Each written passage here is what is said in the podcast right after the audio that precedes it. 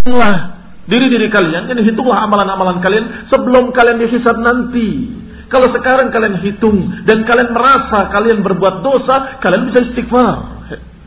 Tetapi setelah mati, setelah lewat masa kehidupanmu, ditutup pintu taubat setelah hari kiamat, maka penyesalan tidak berguna sama sekali. Sehingga khonibina azakumullah, hasibu anfusakum. Hitunglah diri-diri kalian sebelum dihisab nanti yaumul qiyamah. Kalau ihmal melalaikan muhasabah, ya'ulu bihi ilal halak. Hada ya'ulu bihi ilal halak. Hada isyaratun ila ma qablah. Hada isyarah kepada apa yang sudah dibahas tadi. Adarru alaihi al-ihmal. Wa tarkil muhasabah. Wal istirsal. Wa tamshiyatiha. Ini semua Ya'ulu ilal halak akan membawa seseorang kepada kebinasaan, kehancuran. Wahadihi halu ahlil ghurur. Dan ini adalah keadaan mereka-mereka yang dijuluki ahlil ghurur. Ahlil ghurur adalah orang yang tertipu oleh hawa nafsunya sendiri.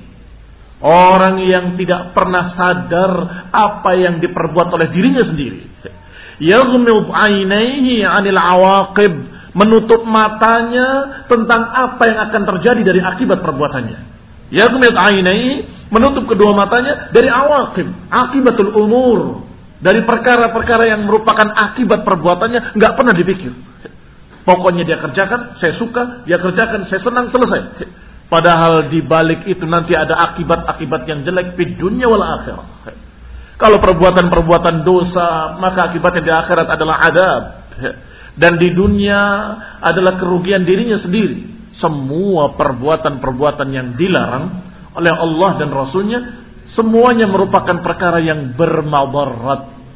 Allah taala ketika mengharamkan sesuatu adalah karena kasih sayang pada kalian, pada kita, pada seluruh manusia. Maka kata Allah jangan. Demikian pula Rasulullah sallallahu alaihi wasallam menyatakan dari Allah Subhanahu wa taala dari wahyu menyampaikan apa-apa yang berbahaya buat kalian. Jangan, itu haram. Maka siapa yang melanggarnya pasti dia akan mendapatkan madarat di dunia sebelum di akhirat. Tetapi mereka-mereka ahlul ihmal, ahlul ghurur, yaghmid ainaihi 'anil awaqib. Tidak pernah dia mau melihat apa akibat perbuatannya.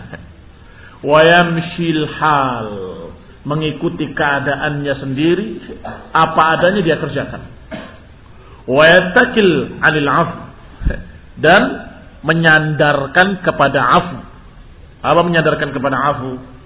Gampang nanti minta maaf. Kerjakan aja dulu.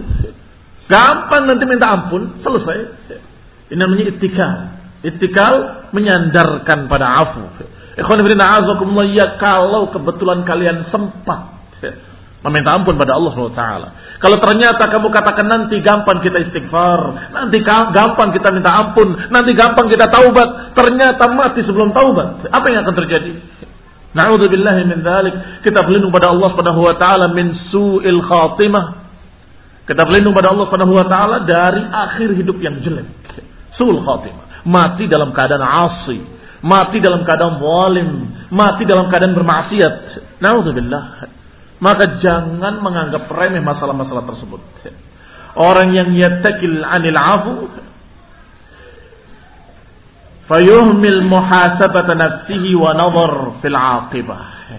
Maka dia melalaikan muhasabatu nafsih. Melalaikan tentang muhasabah, penghitungan diri.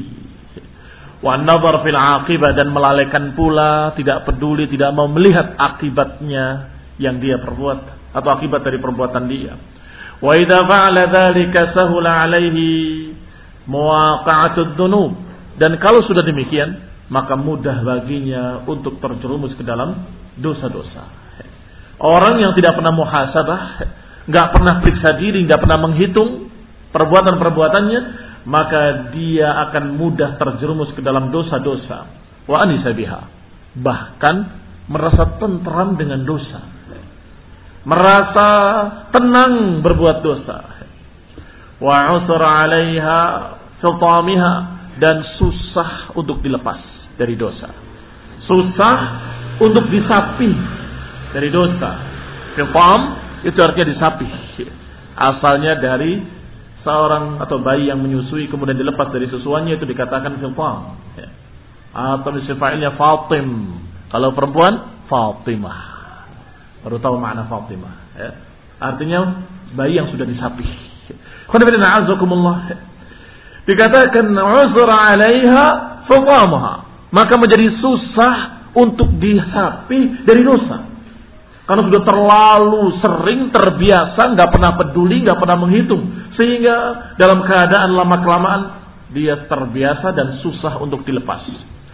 Walau hadarahu rushdahu al-ilm, al-ilm, anil hamiyah ashal min al-fitam wa tarkil ma'luf wal. Walau hadarahu, kalaupun sampai kepada dia Rasyadahul ilm dibimbing oleh ilmu sampai kepada dia bimbingan ilmu. Annal hamiyah ashal minal futam. Tetapi hamiyah lebih mudah bagi dia daripada fitam, daripada melepas kemaksiatan. Hamiyah itu ngotot untuk tetap dalam keadaannya tidak mau berubah. Itu hamiyah. Hamiyah al-jahiliyah Hamiyah seperti keadaan bagaimana jahiliyah ketika menerima dakwah tauhid. Mereka menentang Rasulullah SAW dengan keras dan mereka bertaasub bersikukuh dengan kesyirikannya. Itu yang dikatakan hamiyah, hamiyah jahiliyah. Ketika orang tadi didatangi ilmu, dibimbing dengan ayat dan hadis, didatangi oleh para orang yang berilmu, alim, ulama, menyampaikan hadis, menyampaikan ayat, al-hamiyah ashal minal fitam. Ternyata orang tadi lebih suka untuk hamiyah bersikukuh dengan kejelekannya dengan kemaksiatannya daripada fitam. Lebih mudah bagi dia daripada melepaskan kemaksiatannya. Wa tarkil ma'lufi wal mu'tad tidak bisa dia meninggalkan sesuatu yang sudah ma'luf al mu'tad al mu'tad terbiasa al ma'luf juga maknanya yang sudah terbiasa yang sudah sering dikerjakannya demikian keadaan orang yang meninggalkan muhasabah. Sehingga muhasabah harus ada sebelum beramal dan setelah beramal. Berkata Ibnu Abid Dunya rahimahullah, haddatsani rajulun min Quraisy. Dzakara annahu min waladi Talhah ibnu Ubaidillah. Menyampaikan kepadaku seseorang dari Quraisy diceritakan bahwa orang itu adalah anaknya Talhah ibnu Ubaidillah radhiyallahu taala anhu. Qala kana Taubah Ibn Sunnah berraqah wa kana muhasiban li nafsih. Bahwasanya seorang yang dipanggil dengan nama Taubah bin Sunnah dalam keadaan sebagai raqiq. yakni budak. Wa kana muhasiban li nafsih. Dan orang ini selalu muhasabah, menghitung dirinya. Fahasaba yauman maka dia menghitung pada satu hari. Faida huwa ibnu sittina sana. Menghitung dirinya, ternyata dirinya telah 60 tahun. Sepertinya Riqqah ini adalah nama tempat, wallahu alam. Karena tidak tepat kalau dikatakan Raqiq. Berriqqah yang di daerah yang namanya Riqqah. Beliau menghitung dirinya. Amalan yang telah dikerjakan, berapa lama dia mengerjakan. Ternyata dia menghitung dirinya, dirinya sudah berumur sittina sana. Sudah berumur 60 tahun. Fahasaba ayyamaha. Dia hitung berapa hari itu 60 tahun itu. Faidha hiya ahad wa ishruna alfa yaumin wa khamsumi'ati yaum. Ternyata jumlahnya berarti saya sudah menjalani ahad wa ishruna alf. 21 ribu hari atau 21 500 21.500 hari. Fasarraha. Maka beliau menjerit. Wa qala ya wailata. Alqa rabbi bi ahad wa ishrina alfidan. Apakah aku akan bertemu Allah dengan 21 ribu dosa? Kalau dianggap sehari berbuat dosa sekali. Kita berapa kali sehari? Berbuat kesalahan, berbuat dosa. Kata beliau, aku berarti paling sedikit 21 ribu kali aku berbuat dosa wa kaifa wa kulli yaumin alaf min dzunub apalagi kalau sehari ribuan dosa saya kerjakan. Thumma kharaja alaih. Maka dia menjerit minta ampun pada Allah Subhanahu wa taala. Ketakutan takut pada Allah Subhanahu wa taala. Hatta maghsyian alaih. Sampai dia terjatuh pingsan tidak sadarkan diri. Fa huwa bimayyit. Tiba-tiba ketika orang-orang berdatangan Ternyata beliau telah wafat rahimahullahu taala. Fasami'u qailan yaqul Ya laka raqdatan ila al-firdausil a'la. Tiba-tiba ada yang berkata atau terdengar suara yang berkata, "Wahai engkau akan mendapatkan tempat di Firdausil A'la." Para ulama yang jauh lebih saleh dari kita Tentunya dosanya jauh lebih sedikit dari kita. Tetapi toh mereka takut pada Allah. Dan mereka bertaubat pada Allah dan mendapatkan husnul khatimah. Kenapa? Karena mereka menghitung. Menghitung diri. Saya sudah beramal apa selama ini? Apa yang saya sudah kerjakan selama ini?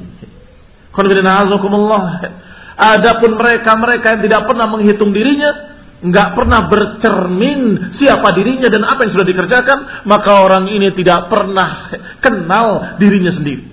Nggak pernah kenal dirinya, maka dia menjadi orang yang paling ujub, bangga diri, sombong, merasa orang yang paling suci, paling hebat, paling tinggi, paling soleh, dan meremehkan manusia. Ah, si demikian dan demikian.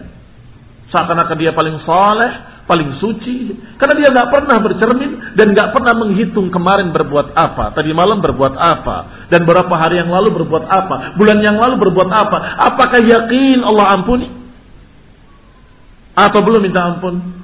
Kalaupun mengatakan saya sudah minta ampun apakah mesti Allah ampuni? Atau ada penghalang-penghalang yang menyebabkan engkau tidak diampuni? Tidak bisa kita menyimpulkan satu kesimpulan sebelum kita menghadap Allah Subhanahu wa taala. Kalau di dunia nggak bisa dipastikan. Pasti gak ampuni, nggak bisa. Sehingga semestinya membawa seorang menjadi orang yang takut kepada Allah dan menjadi orang yang tawadhu, merasa dirinya bukan apa-apa. Merasa dirinya bukan orang yang paling suci, merasa dirinya bahwa dirinya adalah manusia biasa yang banyak salah dan lupa. Dan kesimpulan semua itu. An yuhasib nafsah. Awla alal fara'id.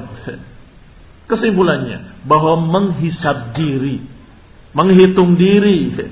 Memeriksa diri. Adalah awla alal fara'id. Awla bi alif layina wala bi alif bukti harusnya aula bi alif layyinah. Aula bil fara'id. Nah, qala rahimahullah bahwa an yuhasib nafsahu awalan atau aula ala al fara'id. Kalau aula semestinya alifnya alif layyinah bukan alif seperti ini. Kalau seperti ini awalan dan itu tidak cocok. An yuhasib nafsahu awalan ala al fara'id. Tapi kan yuhasib nafsahu aula ala faraid lebih tepat. Yani lebih utama daripada mengerjakan faridah, faridah dan kewajiban-kewajiban. Fa in tadhkur fiha naqsan tadarakahu. Kalau dia melihat ada kekurangan, maka cepat dia kejar kekurangan itu. Tadarakahu, yani segera mengerjakannya. Imma biqada'in au islah. Dikejar dengan apa? Imma biqada' au islah Qadha artinya me mengganti apa yang terlewat. Kalau islah memperbaiki apa yang sudah lewat. Ada beberapa perkara yang harus diqadha ketika kita ingat oh ternyata saya belum mengerjakan ini kemarin atau tadi malam, maka kerjakan segera. Qadhaan. Atau istilah memperbaiki, kemarin saya kurang lengkap, maka hari ini akan saya kerjakan lebih lengkap lagi. Itu islah. Tsumma yuhasibaha 'alal manahi Baik. Al-an kita lihat lebih tepat kita katakan awalan karena pertama yuhasib nafsahu awalan alal faraid. Pertama dihitung Itu adalah kewajiban-kewajiban dulu. Apakah sudah sempurna atau belum sempurna? Kalau ada yang tertinggal harus diqadha, maka diqadha. Atau ada yang kurang sempurna, maka disempurnakan. Maka ketika kita mendapatkan kesempatan untuk mengerjakan kewajiban dan faraid tadi, maka kita kerjakan dengan lebih lengkap dari kemarin. Thumma yuhasibaha 'alal manahi. Thumma ini qarinah, bahwa tadi aw awalan, bukan aula. Thumma yuhasibaha 'alal manahi, kemudian menghitung larangan-larangan. Fa in 'arafa annahu irtakaba minha syai'an. Kalau dia ternyata melihat dan mengetahui dirinya telah mengerjakan larangan-larangan Allah, tadarakahu bitaubah. Hendaklah dikejar dengan taubat. Kalau ternyata ada larangan-larangan yang kita kerjakan, maka hendaklah bertaubat wal istighfar wal hasanat al mahiyah. Taubat, istighfar dan kemudian mengerjakan hasanat al-mahiyah, kebaikan-kebaikan yang akan menghapusnya. Karena dikatakan oleh Rasulullah sallallahu alaihi wa ala alihi wasallam, "Wa atbi'is sayyi'atal hasanata tamhuha." Ikutilah kejelekan dengan kebaikan yang akan menghapusnya. Thumma yuhafiz yuhasib nafsahu 'alal ghaflah. Kemudian menghitung pula dirinya tentang kelalaian-kelalaian apa yang dia kerjakan dari perkara-perkara ghaflah. Perkara yang melalaikan dirinya. Fa'in kana ghafala amma khalaqala amma khuliqalahu tadarakahu bidzikr. Kalau dia lalai, lupa untuk apa dia diciptakan di dunia, maka segera dikejar dengan ingat pada Allah Subhanahu wa taala. Mengingat bahwa dirinya adalah makhluk yang harus beribadah pada Allah Subhanahu wa taala. Wal iqbali 'ala Allah taala. Kemudian menghadap kepada Allah Subhanahu wa taala beribadah. Summa yuhasib summa yuhasibuha bima takallama bih. Kemudian menghitung pula apa yang telah diucapkannya Aw masyat alaihi rijlahu atau apa yang telah dijalani dengan kakinya. Hari ini saya ke mana saja. Ketika kamu berbaring, kamu mengingat hari ini saya berjalan ke rumah fulan, ke masjid, ke toko, ke pasar, ke sini dan ke sana. Untuk apa? Karena apa? Niatnya apa? Dicocokkan dengan Quran wa sunnah. Apakah itu baik atau jelek? Apakah itu sesuatu yang terpuji atau yang tercela? Apa sesuatu yang Allah ridhai atau yang Allah benci? Muhasabah. Dihitung. Au batashat yadahu Memeriksa pula apa yang telah dilakukan oleh tangannya. Au sami'athu udunahu atau yang didengar oleh telinganya. Mendengarkan apa saja hari ini? Mendengarkan kajian ilmu, qiraatul Quran atau malah mendengarkan nyanyian-nyanyian, musik-musik yang haram. Mada aradat bihada? Kalau haram tentunya istighfar masuk ke dalam apa yang disebutkan tadi sebelumnya kemaksiatan-kemaksiatan atau larangan-larangan yang disebut manahi. Apa ya tadarakahu? Ya tadarakahu bitaubah wal istighfar wal hasanat. Harus dikejar kalau itu adalah haram dengan taubat, dengan istighfar dan dengan hasanat yudhibna sayyi'at. Dengan kebaikan-kebaikan yang akan menghapus kejelekan-kejelekan. Taib kalau itu perkara yang baik yang didengar baik, yang dikerjakan dengan tangannya baik, yang dijalani dengan kakinya arah-arah yang baik, tempat-tempat yang baik, yang diucapkan juga ucapan-ucapan yang baik. Masih ada pertanyaan berikutnya. Kamu ngerjakannya karena apa? Apakah niat ikhlas karena Allah atau riya? Apakah kamu berbuat itu kebaikan-kebaikan itu karena Allah, karena mengharapkan pahala dari Allah, ha, atau hanya karena taklif ikut-ikutan, atau karena ingin dipuji oleh orang lain? Sum'ah, ingin didengar orang, ria, ingin dilihat orang. Waliman fa'altahu dan untuk siapa kamu kerjakan? Diperiksa. Wa ala ayyi wajhin fa'altahu dan kalaupun niatnya untuk Allah dan itu kebaikan, masih ada pertanyaan lagi. Bi ayyi wajhin fa'altahu? Dengan cara apa kamu kerjakan? Tangan saya tadi menolong orang. Baik, bagus. Itu kebaikan. Niatnya kenapa? Sungguh karena Allah, tidak karena yang lainnya. Baik, dengan cara apa? Dengan cara Robin Hood haram. Tahu Robin Hood? Nyuri dari orang kaya bagikan orang miskin. Perbuatan baik atau perbuatan jelek? Oh niatnya baik saya ingin menolong orang-orang miskin. Tidak bisa. Kamu menolong mereka tapi dengan cara yang haram. Maka harus ada pertanyaan yang ketiga. Bi ayyi wajhin fa'altahu. Dengan cara apa kamu kerjakan? Menolong bagus. Niatnya karena Allah, Masya Allah, ikhlas. Tapi dengan cara apa? Tidak boleh dengan cara yang haram. Harus dengan cara sunnah.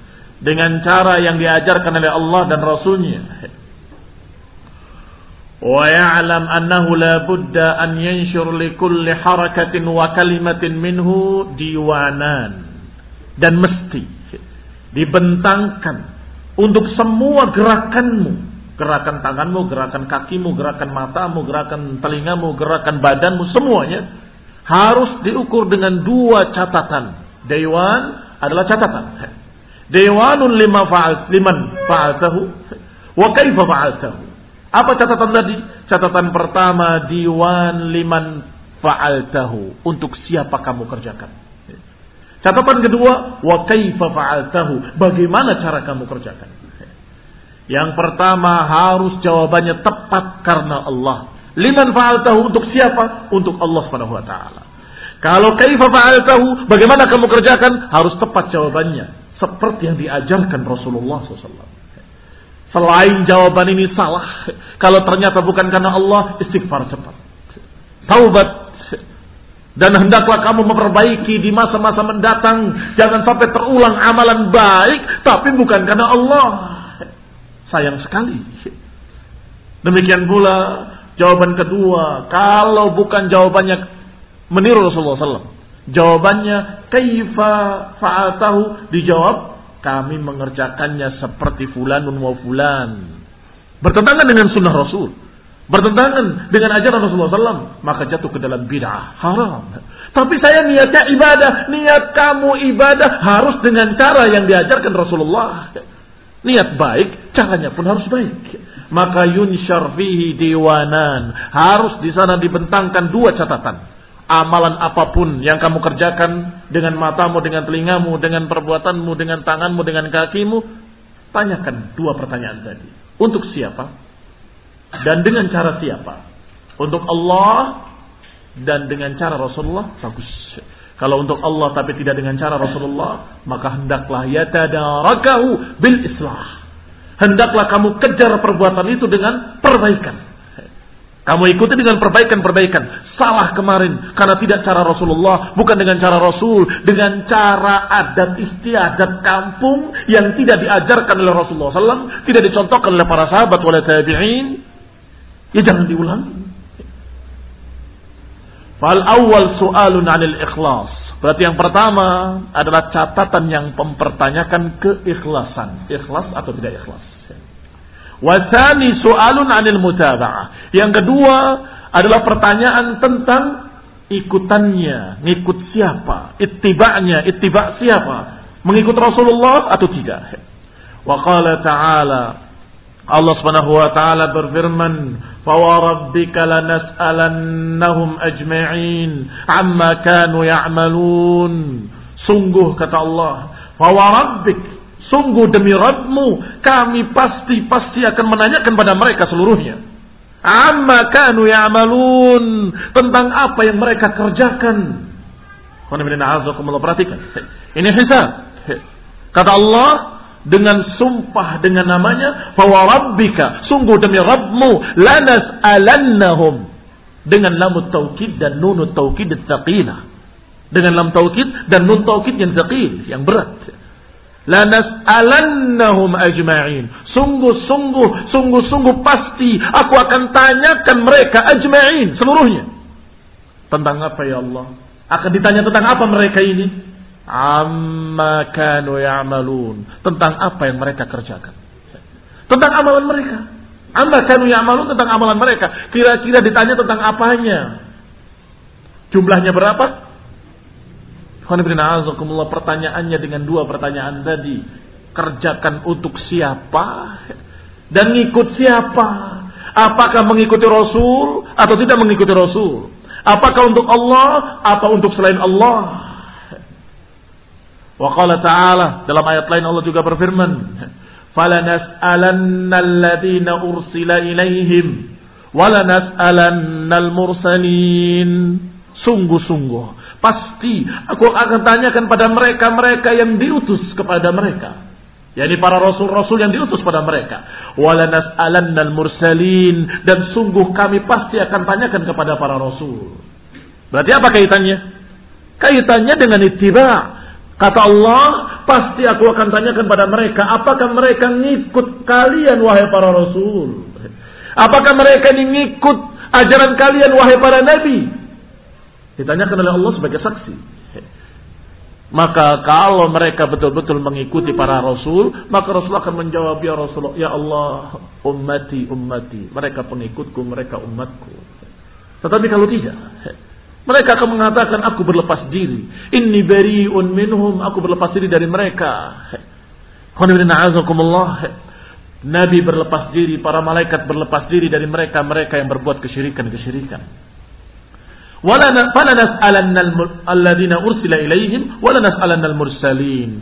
Fala naqussanna alaihim bi'ilm Wama kunna ghafilin. Kata Allah, dan sungguh-sungguh kami akan kisahkan pada mereka dengan ilmu.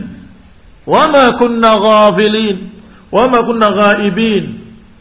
Dan kami tidak akan lalai kata Allah kami dalam keadaan tidak gaib dalam artian ada dan tetap memperhatikan keadaan mereka maka Allah tanyakan kepada mereka para rasulnya dan orang-orangnya yang mengikutinya semuanya ditanya. Bukan karena Allah tidak tahu. Bukan pertanyaan-pertanyaan